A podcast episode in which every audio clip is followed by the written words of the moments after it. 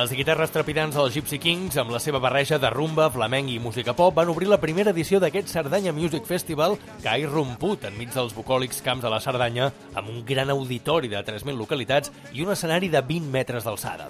L'ideòleg és el promotor Martín Pérez, que ha volgut traslladar el glamour del Festival de Pedralbes a l'entorn rural de la Cerdanya. És un aconteixement que això no s'havia fet mai a la Cerdanya. Pues el ser pioner eh, és maco, un repte i una il·lusió. Això és com els colonitzadors aquells de l'oest que anaven als terrenys nous, aquí hem muntat un poble. No és tan fàcil, és bastant complicat. Un terreny molt gran de 58 metres quadrats.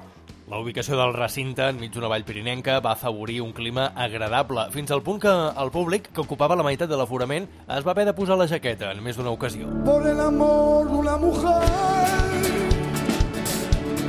Després dels Gypsy Kings, el Cerdanya Music Festival programa gairebé una actuació cada dia fins al 23 d'agost, amb noms com Sopa de Cabra, Rosario, Manel o els Hombres G. El prestigi, nosaltres tenim cert prestigi dintre de la professió.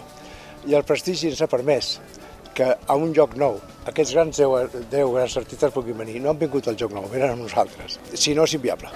Un festival nou no pot presentar un cartell així.